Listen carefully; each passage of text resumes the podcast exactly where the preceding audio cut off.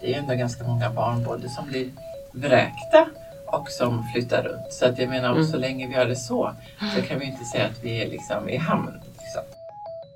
Jag kan säga att jag försökte verkligen visa på olika sätt att, att uh, vi mår bra och sånt. Jag försökte vara bra på skolan till exempel. Mm. Hon blev jättestolt över mig kan man säga. Det handlar ju om politiska prioriteringar eh, och ofta så har ju vi forskare förslag som kostar pengar. Vi kan inte prata om barnet, liksom barns välbefinnande eller barnets bästa så länge vi ser det som acceptabelt eh, i vårt samhälle att barn lever under de här villkoren.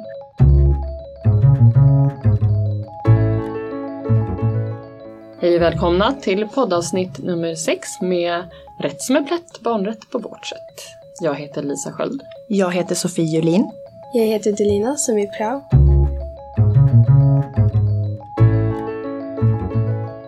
Välkomna till ett avsnitt om barns rätt till bostad.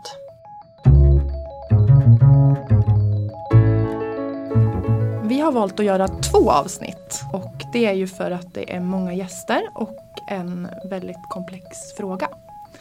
Eh, först mest fokus på läget och flera problem kring barns rätt till bostad. Och sen i det andra avsnittet mer på möjligheter, både som finns tillgängliga nu och hur vi kan styra om för att se till att alla barn får ett hem. Vad innebär barns rätt till bostad mer konkret Lisa?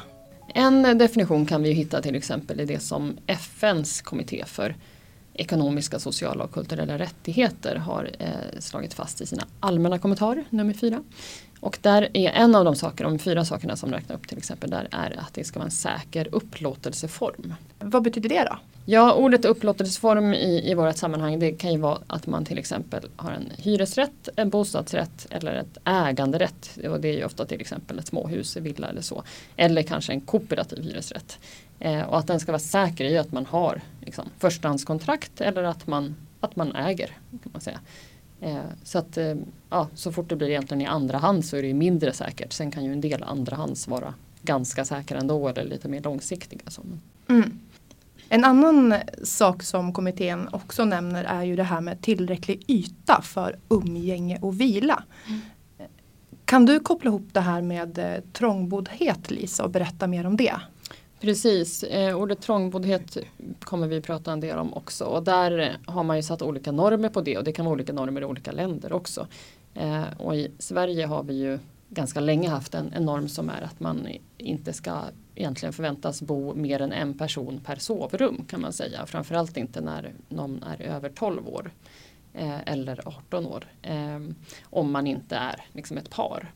Eh, så den definitionen satte vi från 74 och då förväntas man alltså inte bo eller sova i kök eller vardagsrum utan det är sovrummen som räknas. Så om man bor mer än två i sovrum och inte ett par då kan det räknas som trångboddhet i dagens norm.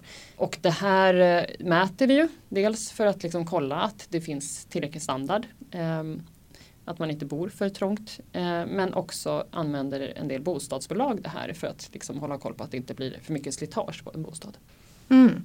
Vi ser ju inte så ofta barnfamiljer som är hemlösa och lever på gatan. Eh, vilket är bra. Mm. Eh, men kan du förklara begreppet hemlöshet lite mera och hur det går att se på det? Många tänker kanske när man säger ordet hemlös så ser man framför sig en, en vuxen människa i slitna kläder som, som ser, ser sliten ut generellt kanske och som då sover kanske på gatan eller på härbergen och så. Eh, men det är ju bara en, en del av det. Och den Eh, den människan då, som vi såg framför oss nyss, det ingår ju kanske ofta i den här sociala hemlösheten. Ofta har ju de kanske en missbruksproblematik eller en psykisk sjukdom eller både och. Men inte alltid, utan det kan också ha liksom skapats av helt andra sammanhang. Och det vi kommer att prata om mest om i de här poddavsnitten det är ju den mera strukturella hemlösheten. Och då är det ju just att så här, då räknas man som hemlös egentligen om man inte har en säker upplåtelseform som vi pratade om ut. Eh, eftersom bara för att man har tak över huvudet så har man inte ett hem. Barn hamnar ju inte på gatan. Eh, där Nej. har vi ganska liksom, tydliga riktlinjer och så, så fort man då har vänt sig till socialtjänsten eller de har fått kännedom så, Mm. så försöker de se till att antingen så löser man det själv hos bekanta eller nätverk eller så eh, får man något tillfälligt. Eh, men det är ju fortfarande då inom den här definitionen av strukturell hemlöshet. Eh, så att, och det beror på samhällets struktur och det kommer vi ju gå in på ganska mycket. Eh, så det är liksom personer som inte har ett eget kapital som kanske har blivit vräkta av olika anledningar. De kanske har skulder eller inte har ett arbete med en ganska god inkomst. Jag ser genast framför mig alla situationer som många människor kan befinna sig i. Eh, rätt vanliga situationer som vem som Ja. helst kan drabbas av. Verkligen.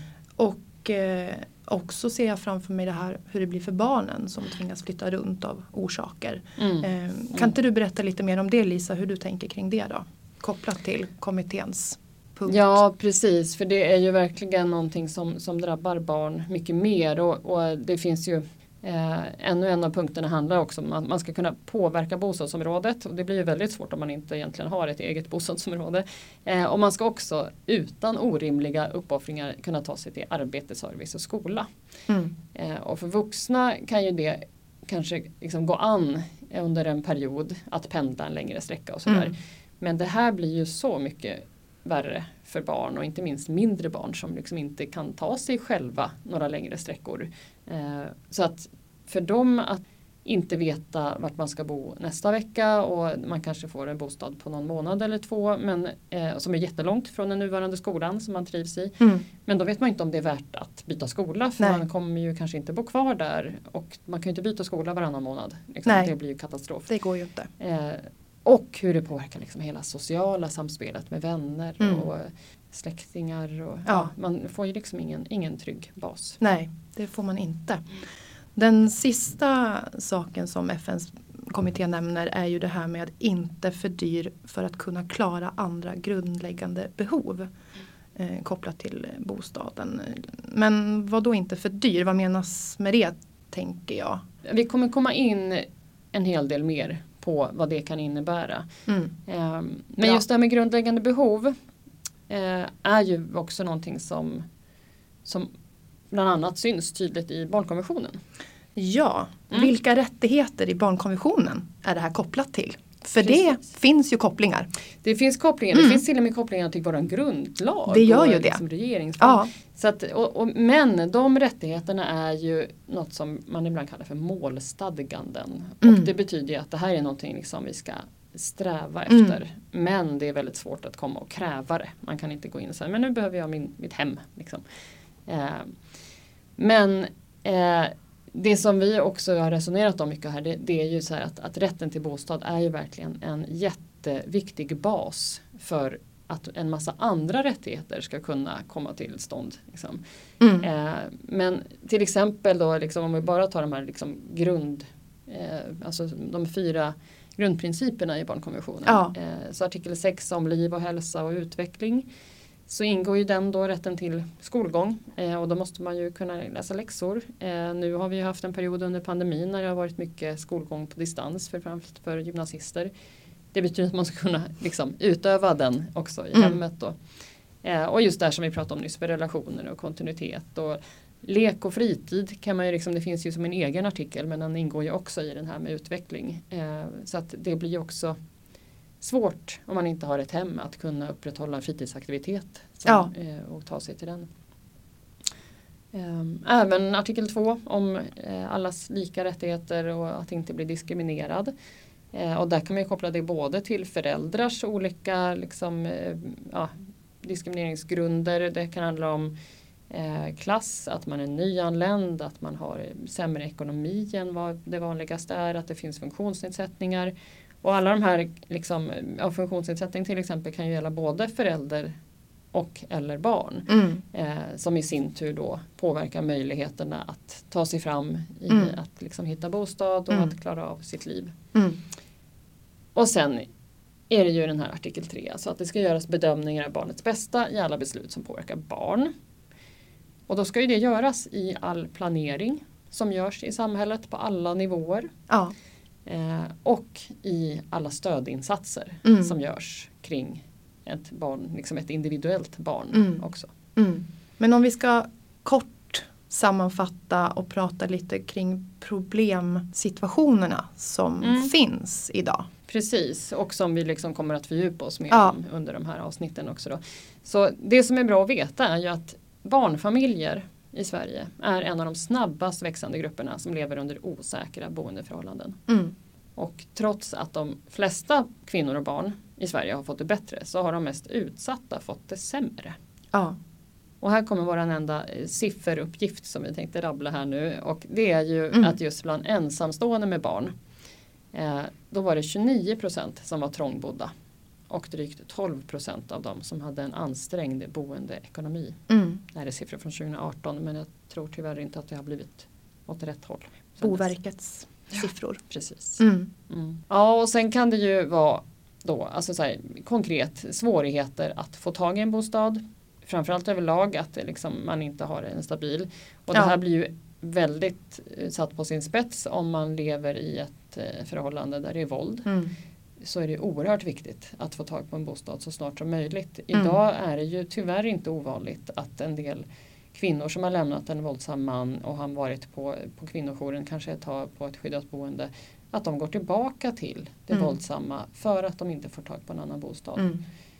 Och att överhuvudtaget som sagt ha en bostad där barnen kan känna att de faktiskt kan bo kvar och kalla hem. Ja. Eh, att många bor för trångt. Eh, och det här med trångboddhet, nu pratar vi om så mer än en person men, men det som förekommer idag det är ju att det kan bo liksom familjer med ganska många barn. Ja. Eh, betydligt mer än ett barn. Eh, som hamnar i ett rum Absolut. under långa perioder. Ja, det har ju vi stött på här i Uppsala. Ja men precis. Ofta. Så Mm. att det, och då är det ju en trångboddhet som verkligen blir Mm. besvärande. Mm. Liksom. Eh, Och att man bor för dyrt så att man då inte har råd som, som FN tryckte på med andra saker. Och att det också är dålig standard. Både inne Mm. och utemiljön Mm. eh, där man bor. Och det tänker vi kanske inte heller att det förekommer så mycket i vårt land. Men det gör det ju tyvärr. Det gör det. Mm. Så allt det här kommer vi fördjupa oss i mer. Ja, tillsammans med våra gäster i de här två avsnitten. Mm. Sen har vi några flera begrepp att reda ut Lisa. Ja. För att bättre kunna hänga upp all, allting framåt. ja, Ja. Eh, vräkning. Ja. Kan du bara beskriva lite mera? Det är väl kanske det ord som syns mest i debatten också. Där står det ofta om hur många barn har blivit vräkta och sånt där. Eh, och det det konkret innebär är att man först får man ju liksom eh, en, ett meddelande om att nu kommer du att bli vräkt. Eh, för att man riskerar att tappa rätten då till sin hyresbostad. Mm. Men det kan man ganska ofta hantera om det handlar om att man till exempel varit sen med hyran. Vilket ju inte är tillåtet. Liksom. Eh, då kan man reglera det och då kan man betala in och Mm. så kan man få tillbaka sin rätt till bostaden och då blir man inte vräkt. Mm. Då är det liksom borta. Och det här är ju olika mellan bostadsbolagen. Vilka krav de har på att eh, Ja eller framförallt är det ju olika vad som har föranlett vräkningen så att säga. Det kan ju vara andra saker och då kanske är det svårare att, att eh, få tillbaka rätten. Men om det, om det enbart handlar om att man inte har betalat då går det att, att lösa om man gör det snabbt. Mm. Liksom. Eh, och hitta olika lösningar. Men, men om man inte gör det, om man inte liksom åtgärdar det, den problematiken då kan det ju sen då hamna i att det här ska verkställas och det är det som då också kallas för avhysning då ibland. Och då kommer det ju någon från Kronofogden och om det finns barn där så kommer ju socialtjänsten med också och byter lås och eh, magasinerar möbler och grejer och liksom tar över bostaden. ja, fruktansvärt. Men det som också är bra att komma ihåg det är ju så här, de här siffrorna på vräkta barn som nämns i debatten eh, är ju naturligtvis då in, inte bra för de flesta kan man ju säga. Sen är det mycket vi inte vet, det kommer vi komma in på mer. Eh, men de är ju också bara en, en liksom tredjedel av de ansökta vräkningssammanhangen. Så att liksom där det ändå har funnits då en oro för Ja. att bli av med sin bostad. Eh, och det är också mindre än en tiondel av uppsägningarna. För man kan bli uppsagd utan att bli vräkt. Liksom. Eh, det här går ju lite mer hastigt till. Liksom. Mm. Avhysning, vad betyder det? Ja det är ju just när man verkställer vräkningen. Mm. Mm. Okej. Vi börjar med att prata med Emma Holmqvist som är forskare på Uppsala universitet. Hej Emma! Hej! Hej! Kul att du kunde vara med idag. Ja, jätteroligt. Tack för ja. att jag får komma. Eh, du är ju forskare på Institutet för bostads och urbanforskning på Uppsala universitet. Det stämmer. Ja, Jag brukar säga att jag är bostadsforskare. Så att det är bostadsfrågan som liksom är i fokus. vad spännande. Eh, kopplat då till, till det du har nischat in dig på om man ska se till barnens bästa och utifrån också samhällsperspektivet. Vad, vad har du och dina kollegor sett i, i forskningen? Ja, det vi har haft ett eh, projekt kring nu eh, har vi kallat för bostaden som rättighet. Att vi har försökt ringa in då vad vi kan se kring bostadsfrågan om vi försöker analysera den utifrån ett rättighetsperspektiv. Jag har då inte tittat på barnfamiljer eh, specifikt utan de blir liksom en del i den gruppen som ofta har svårt på bostadsmarknaden. Eh, att framförallt då ensamstående eh, med barn har mycket svårare att ta tillvara sina liksom, möjligheter på bostadsmarknaden. Att de handlingsalternativ de har är mycket färre. Eh, it takes two to tango brukar man säga. Det behövs oftast två inkomster för att man ska kunna få en bostad som passar ens behov. Och där ser vi då ensamstående, framförallt mödrar, har Mm. ett eh, eh, svårare läge idag.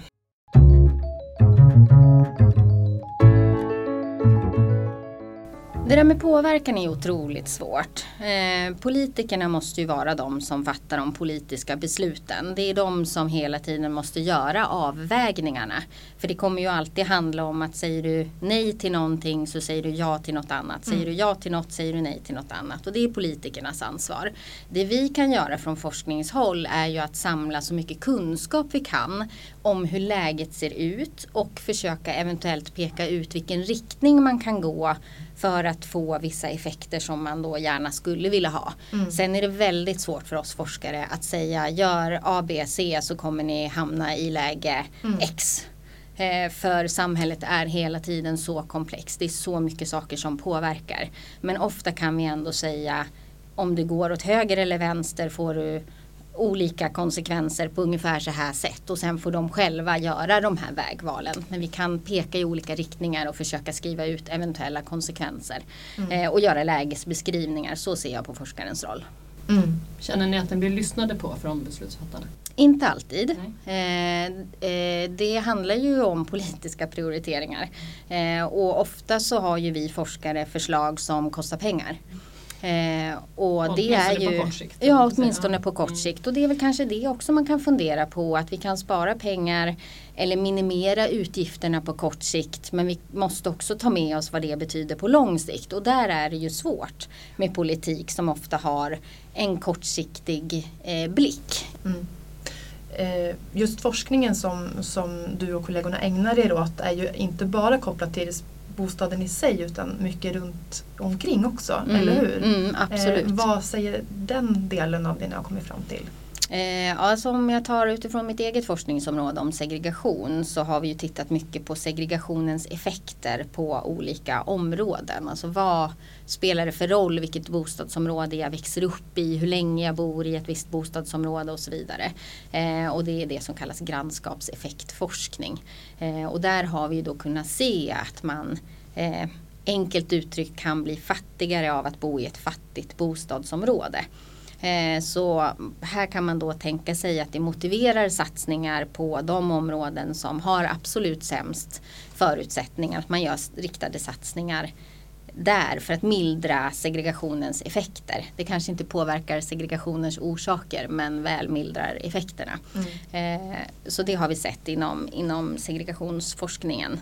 Eh, men sen handlar det ju mycket om också kopplingar mellan områden. Alltså hur, är det isolerade öar eller kan man eh, röra sig mellan områden? Eh, finns det anledning att åka till ett så kallat utsatt område för den som inte bor där? Finns det till exempel någon kulturinstitution där, en sportarena eller någonting liknande för att vi ska kunna få något slags egen erfarenhet av olika områden. Och sen handlar det ju väldigt mycket om bostadsmiljön. Eh, I Stockholms eh, kommun hade man en hållbarhetskommission där man tittade på möjligheterna att eh, förbättra eh, den yttre miljön när man byggde om. Och då märkte man att områden som har ett högt marknadsvärde där har man en stor påse pengar eh, att göra de här yttre satsningarna. Medan områden som har ett lägre marknadsläge då mycket sämre förutsättningar för att förbättra den yttre miljön. Och då försökte man hitta andra modeller för att eh, kunna ha mer pengar där de kanske mest behövs. Mm. Det är spännande allt det här. Ja, roligt att ni tycker det. Ja. Är det någon fråga som du tycker vi borde ha ställt som du vill få fram? Eh, nej men jag tror att det är ungefär det här med att det till syvende och sist är liksom en politisk vilja att, att se till barns bästa och att barn för att de är barn kanske behöver ha ytterligare hjälp från liksom, samhällets sida. Att vi kanske inte kan lägga allt ansvar på föräldrar eller individer i, i närheten av barn utan att, att vi kan liksom vrida och vända på de här rattarna av bostadspolitiska instrument för att eh, barn ska få möjlighet till en bra bostad på ett bättre sätt än idag. Och att det finns de möjligheterna inom ramen för systemet. Vi måste inte alltid uppfinna nya saker. Sen kan det behövas det också. Men framförallt så kan vi göra mycket med de bostadspolitiska verktyg vi redan har. Mm. Tack Emma för att du var med oss här idag. Tack så mycket.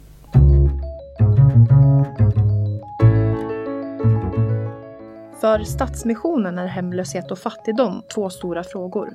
Johanna Hagström berättar att trångboddhet och otrygga boendeförhållanden är de vanligaste problemen som de ser bland barnfamiljer.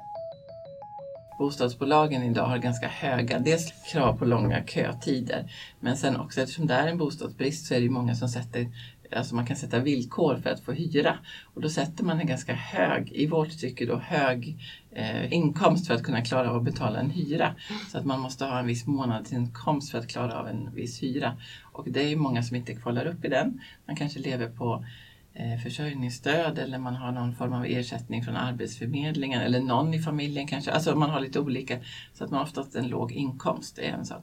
Och sen att man kanske vi har träffat ganska många familjer som eh, har flyttat till Sverige och då har man kanske inte har man missat att man ska stå i bostadskö de första tre, fyra åren man bodde i Uppsala. Eh, Uppsala kräver ganska lång hyrestid eller så här kötid.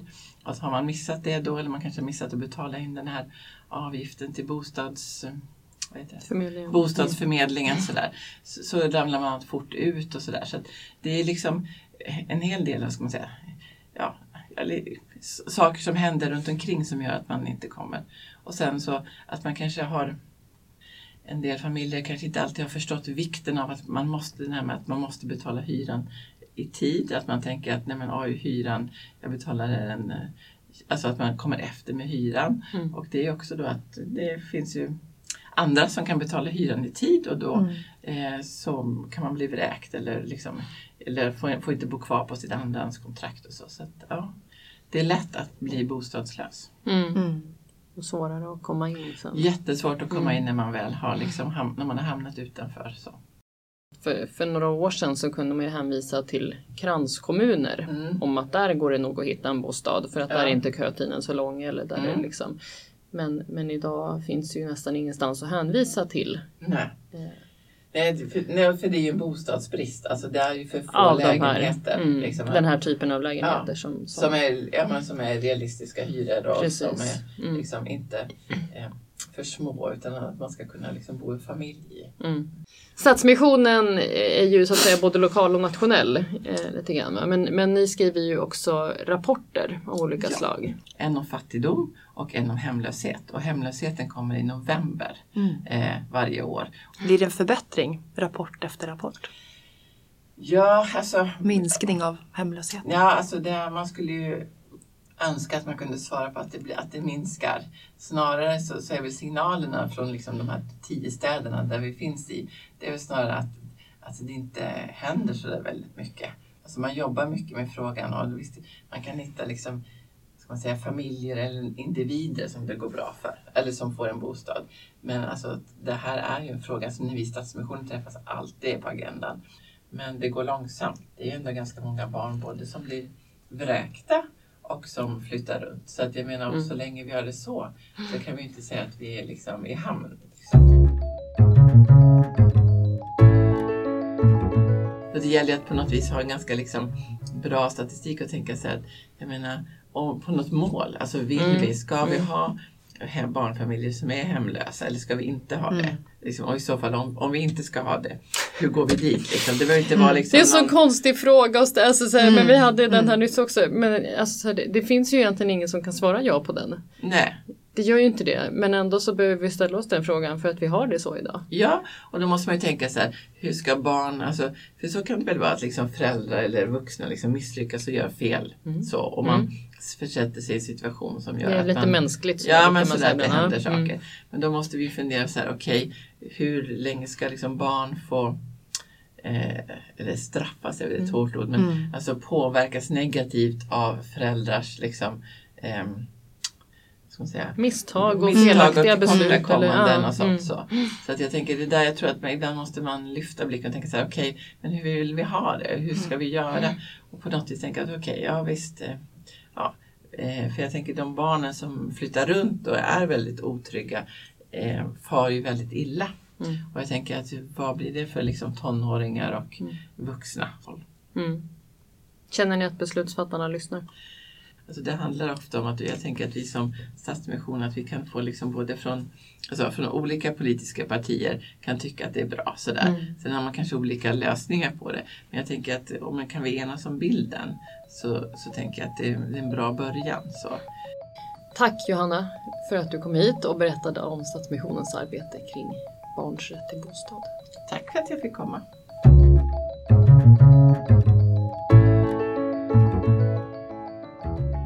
Hej Tove Samselius, vad roligt att vi båda fått igång tekniken och har fått med dig på, på tråden. Ja, hej! Jätteroligt att vara med. Nu är jag eh, lektor i socialt arbete vid Malmö universitet eh, på heltid. Men eh, jag arbetade ju under många år för eh, Rädda Barnen och i den rollen som tematisk rådgivare så jag var ansvarig för barnfattigdomsfrågor. Men jag tror att vi gör så här, vår praoelev här, eh, Delina, får, får börja med att ställa några frågor som hon har förberett. Vad händer med barn som när en familj blir vräkt? Vad händer när barnfamiljer blir vräkta? Det beror ju lite på vilken boendesituation den här familjen har. Eh, ofta när man pratar om barnvräkningar handlar det ju om familjer som har ett förstahandskontrakt och som kanske inte har kunnat betala hyran. Det är väl den vanligaste orsaken. Då finns det ju en, en skyldighet att kontakta socialtjänsten men sen är det ju också så att det finns väldigt många som blir vräkta från lägenheter där man kanske bor svart. Och då, ja, man, man måste bara lämna helt enkelt. Och ibland så kanske man får flytta hem till släktingar eller vänner eller man måste vända sig till socialtjänsten för att man blir akut hemlös. Eh, Men då återigen beroende på eh, familjens omständigheter så kan man få hjälp eller man får inte hjälp. Det, det kan se väldigt olika ut. Vad kunde socialtjänsten ha gjort tidigare? Vad kunde socialtjänsten ha gjort tidigare? I alla fall i teorin så har socialtjänsten då ett, ett, ett ansvar att, att följa upp och, och, och ha kontakt med familjen. Eh, man kan också gå in och ge ekonomiskt stöd för att eh, förhindra en vräkning och man skulle kunna gå in och eh, ha samtal och förhandla med hyresvärdar. Eh, I vissa kommuner gör man det, eh, i andra kommuner gör man det inte. Varför man inte så tag i den här situationen innan eh, det går för långt? Varför tar man inte tag i det? Jag skulle säga att det handlar ju om politiska och ekonomiska beslut och prioriteringar. Att jag menar på att det inte har funnits tillräckligt stark politisk eh, vilja att gå in och hjälpa och att man istället för att fokusera på barnens bästa och barnens eh, villkor i de här situationerna så har man fokuserat på föräldrarnas ansvar utan att titta på liksom den större eh, kontexten också som också inte bara handlar om den här familjens ekonomi och så eller deras specifika situation utan som också handlar om en, eh, en bred, ett bredare samhällskontext där bostadsförsörjning Eh, för människor med lägre inkomster till exempel inte har varit en prioriterad fråga eh, under en, en lång tid. Nu börjar man uppmärksamma de här frågorna. Familjer har ju drabbats av eh, att både vräkningar och att vara utestängda från bostadsmarknaden under i alla fall de senaste 20 åren i Sverige och väldigt lite har egentligen hänt. Tills nu då när man har börjat, man har börjat liksom att, att ta initiativ eh, men det måste ju också implementeras i praktiken. Varför tar det så jättelång tid? Så det handlar ju, jag kommer tillbaka till det här med politiska processer och prioriteringar och, och, och, hur man har fattat beslut. Och att där ligger egentligen, vad ska man säga, Eh, det största problemet skulle jag säga, att man inte har sett det här som en prioriterad fråga. Det är många olika aktörer som berörs och som är inblandade. Och alla de här olika aktörerna måste komma överens om hur man vill arbeta både förebyggande men också främjande så att eh, fler människor får tillgång till eh, trygga bostäder så att, så att, det inte finns lika stor risk att, att människor blir utestängda eller utträngda från bostadsmarknaden. Och egentligen skulle jag säga att det är ett större problem. Sen börjar ju också vräkningarna börja öka eh, igen. Men eh, jag skulle nog säga att det är ett ännu större problem hur många eh, barn som växer upp under otrygga boendeförhållanden där man inte har, eller aldrig ibland har haft, tillgång till en, en, en trygg bostad därför att man flyttar runt och man kommer inte in. Eh, så att alla de här frågorna är ju väldigt viktiga. Är det svårt för en familj att komma in på en bostadsmarknad efter vräkning? Ja, det är framförallt jättesvårt i storstadsområden. Och då har vi ju också sett att, att man kanske då eh, förväntas eh, söka sig någon annanstans eller om man bor i en kommun där man kanske då kan få eh, kontrakt via socialtjänsten. Liksom att, men man, det är svårt att få ett kontrakt med besittningsrätt igen och därför så, så borde man eh, arbeta mycket mer med vräkningsförebyggande och det finns sådana goda exempel också på kommuner som gör det. En vräkning påverkar det ju barnen på ett väldigt negativt sätt ofta. Du, du, skriver om den nya hemlösheten i, i en av dina publikationer. Är det den här som också kallas för strukturell hemlöshet? Ja, ja det, alltså det är ju en strukturellt betingad hemlöshet eh, där kanske grundproblematiken ligger utanför familjernas makt att påverka. Sen det jag i det kapitlet tror jag, jag tror jag vet vad, vilken du refererar till, eh, försöker problematisera. Det, det är ju också den här att man på något sätt har börjat dela in människor i socialt eller strukturellt hemlösa eh, som kategorier där man då utestänger människor som ses som strukturellt hemlösa ifrån att få stöd och hjälp eh, via kommunen eller via socialtjänsten då i det yttersta det blir nästan lite paradoxalt för om man säger att det är en strukturell, alltså om vi ändå använder det begreppet, att det är en strukturell hemlöshet, då är det ju som du säger en struktur som har skapat den och borde vi kunna ändra på den strukturen. Och sen framför allt också att man inte då ska skuldbelägga individen. Men, men det som jag då har sett väldigt tydligt i, i, i forskning som jag har gjort är ju att ett problem är ju också då att eh, man söker sig när man hamnar i en akut situation så kanske man söker sig då till socialtjänsten därför att det finns ingen annanstans att söka sig eh, för, eh, för hjälp. Ehm, men där är ju, vad ska man säga, bemöter man ju ofta då familjerna utifrån ett individperspektiv. Socialtjänsten har inte nödvändigtvis de verktyg som man behöver ha för att kunna ge ett bra stöd. Eh, och i vissa kommuner eh, så ställer man då väldigt eh, stora krav på, på föräldrarna att det är de som ska försöka lösa den här situationen eh, på egen hand trots att eh, man vet att det är strukturella orsaker till. Eh, och och det, då blir det ju den här paradoxen eh, att, att man, eh, man skuldbelägger individen för, eh, för strukturellt betingade problem. Du har ju intervjuat också många både barn och föräldrar. Hur skulle du beskriva att det här påverkar barnens liv att leva i den här så att säga, strukturella hemlösheten och den osäkra boendesituationen? Det påverkar ju dem otroligt mycket. Eh, och speciellt eh, när man då hamnar i, i akuta liksom, situationer där man i, ibland vet man inte ens var man ska sova för natten. Men sen så beror det ju också på vilken, eh, vilken ålder barnen är. I min forskning som jag gjorde, alltså den här avhandlingen, där var det väldigt många väldigt små barn. Eh, de intervjuade jag inte, men jag träffade ju dem regelbundet och deras eh, mammor pratade ju om hur det påverkade barnen.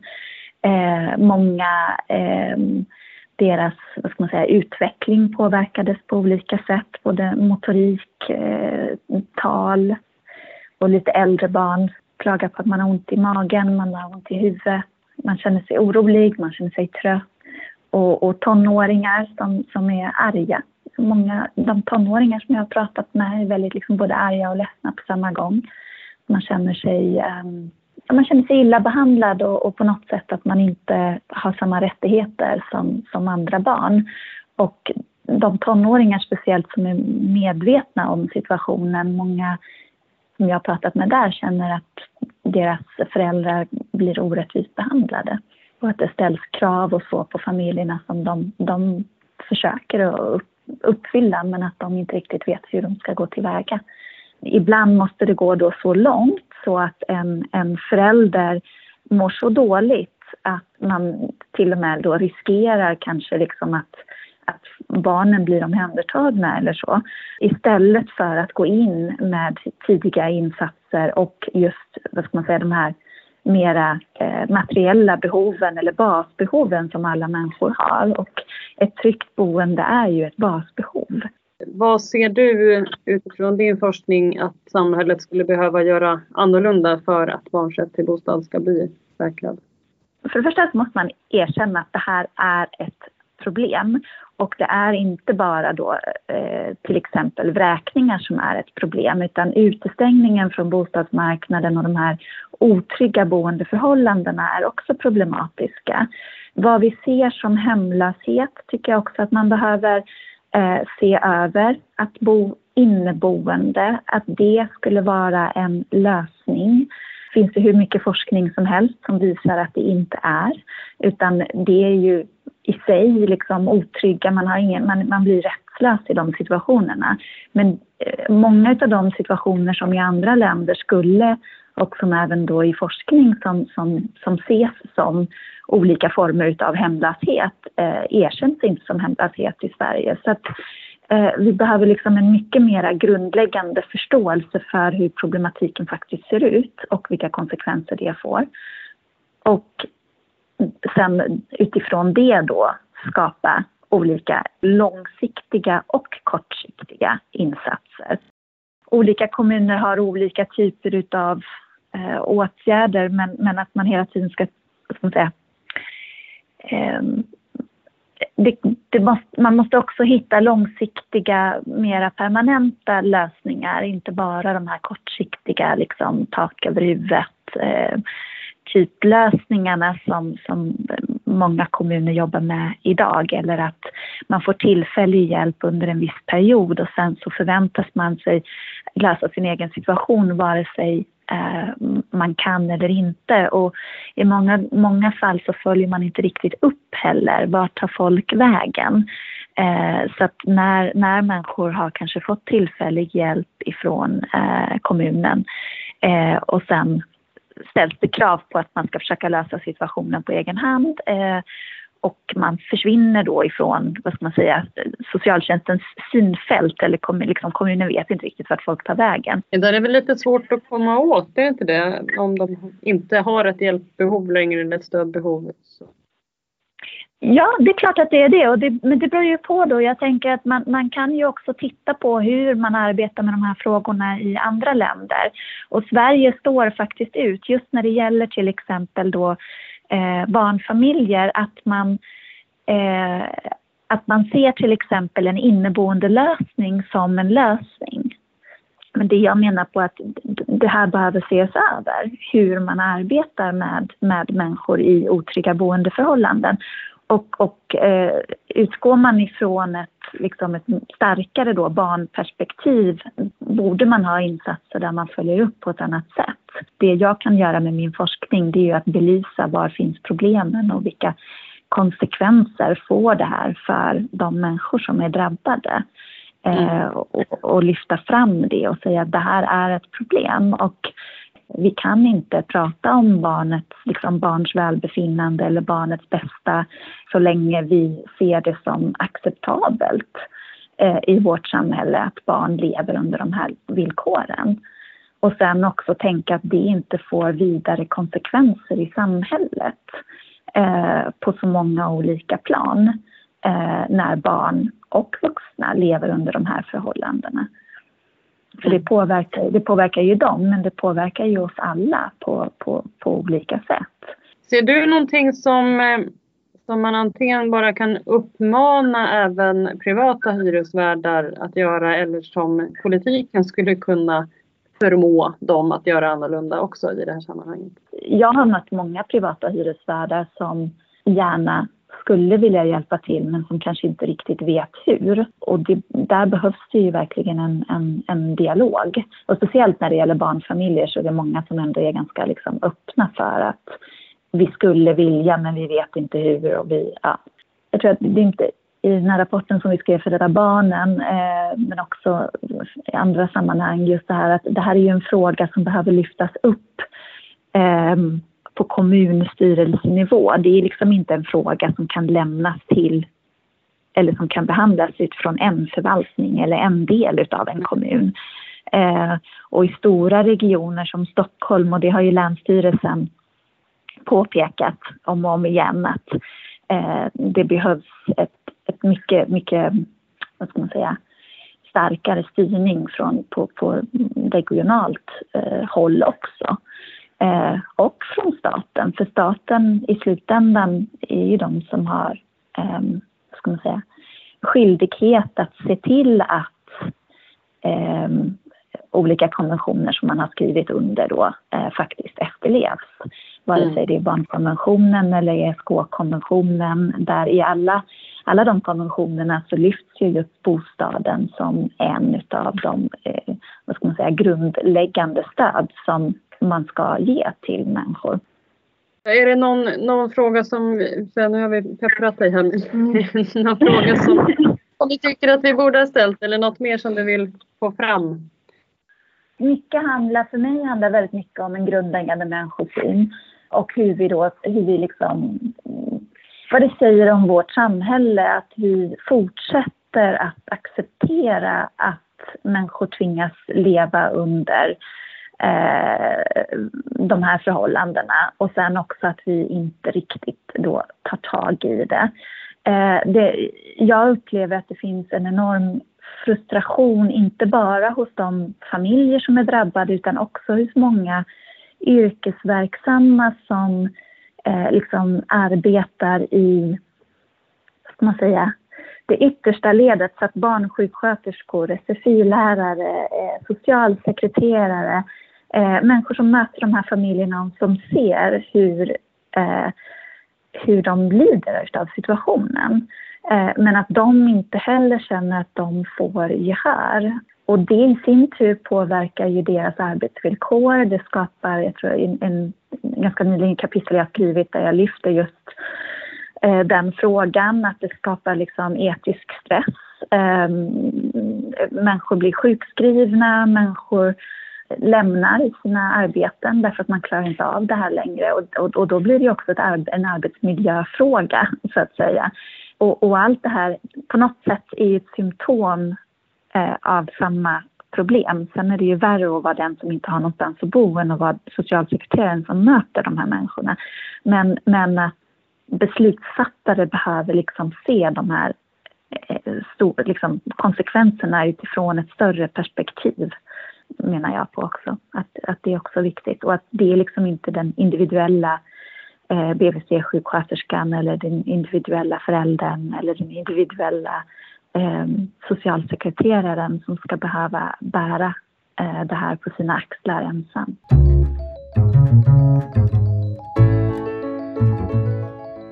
Delina Asmerom är vår praoelev den här veckan.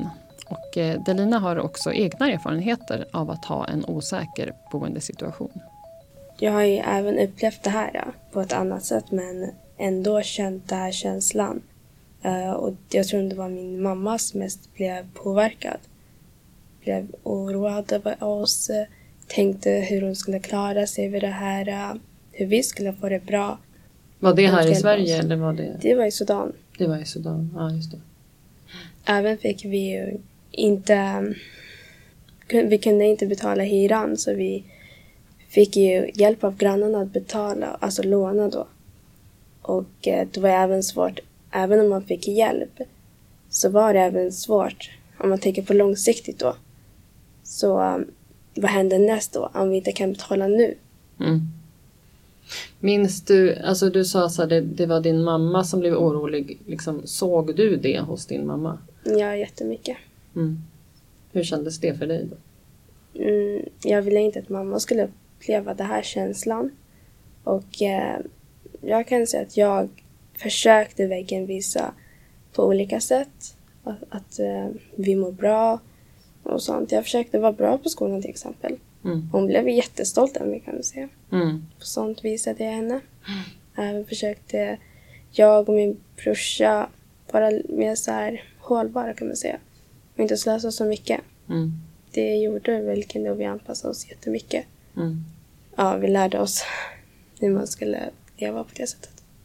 Ja, du har, du har sett den här typen av situationer även om det var i ett Mm. annat land så är det väldigt liknande upplevelser som många barn här också har. Ja.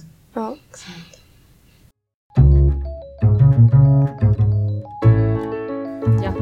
avsnittets hiss och diss nu då. Ja, nu har vi kommit fram till den punkten Lisa. Vad är det vi dissar? Ja, men vi dissar ju att vi har idag ett system som liksom tvingar in individer att lösa en i princip omöjlig situation. Det är liksom inte rimligt att föräldrar eller en förälder ska hantera det som samhället inte har kunnat leverera Nej. och som de har ansvar att göra. Men hissa då? Hissen. Vi vill ju lyfta fram att det här tas upp allt mer i debatten, eller hur? Ja men det känns Ja. ändå faktiskt, jag tycker man hör mer och mer Mm. nu. Mm. Att det sätts i fokus och att eh, många kommer med goda exempel på vad som faktiskt görs idag. Precis. Mm. Både vad som görs och vad som skulle kunna göras. Eh, och att det har precis gjorts också en, en eh, statlig utredning Ja. På området. Mm. känns ju också jättebra. Mm.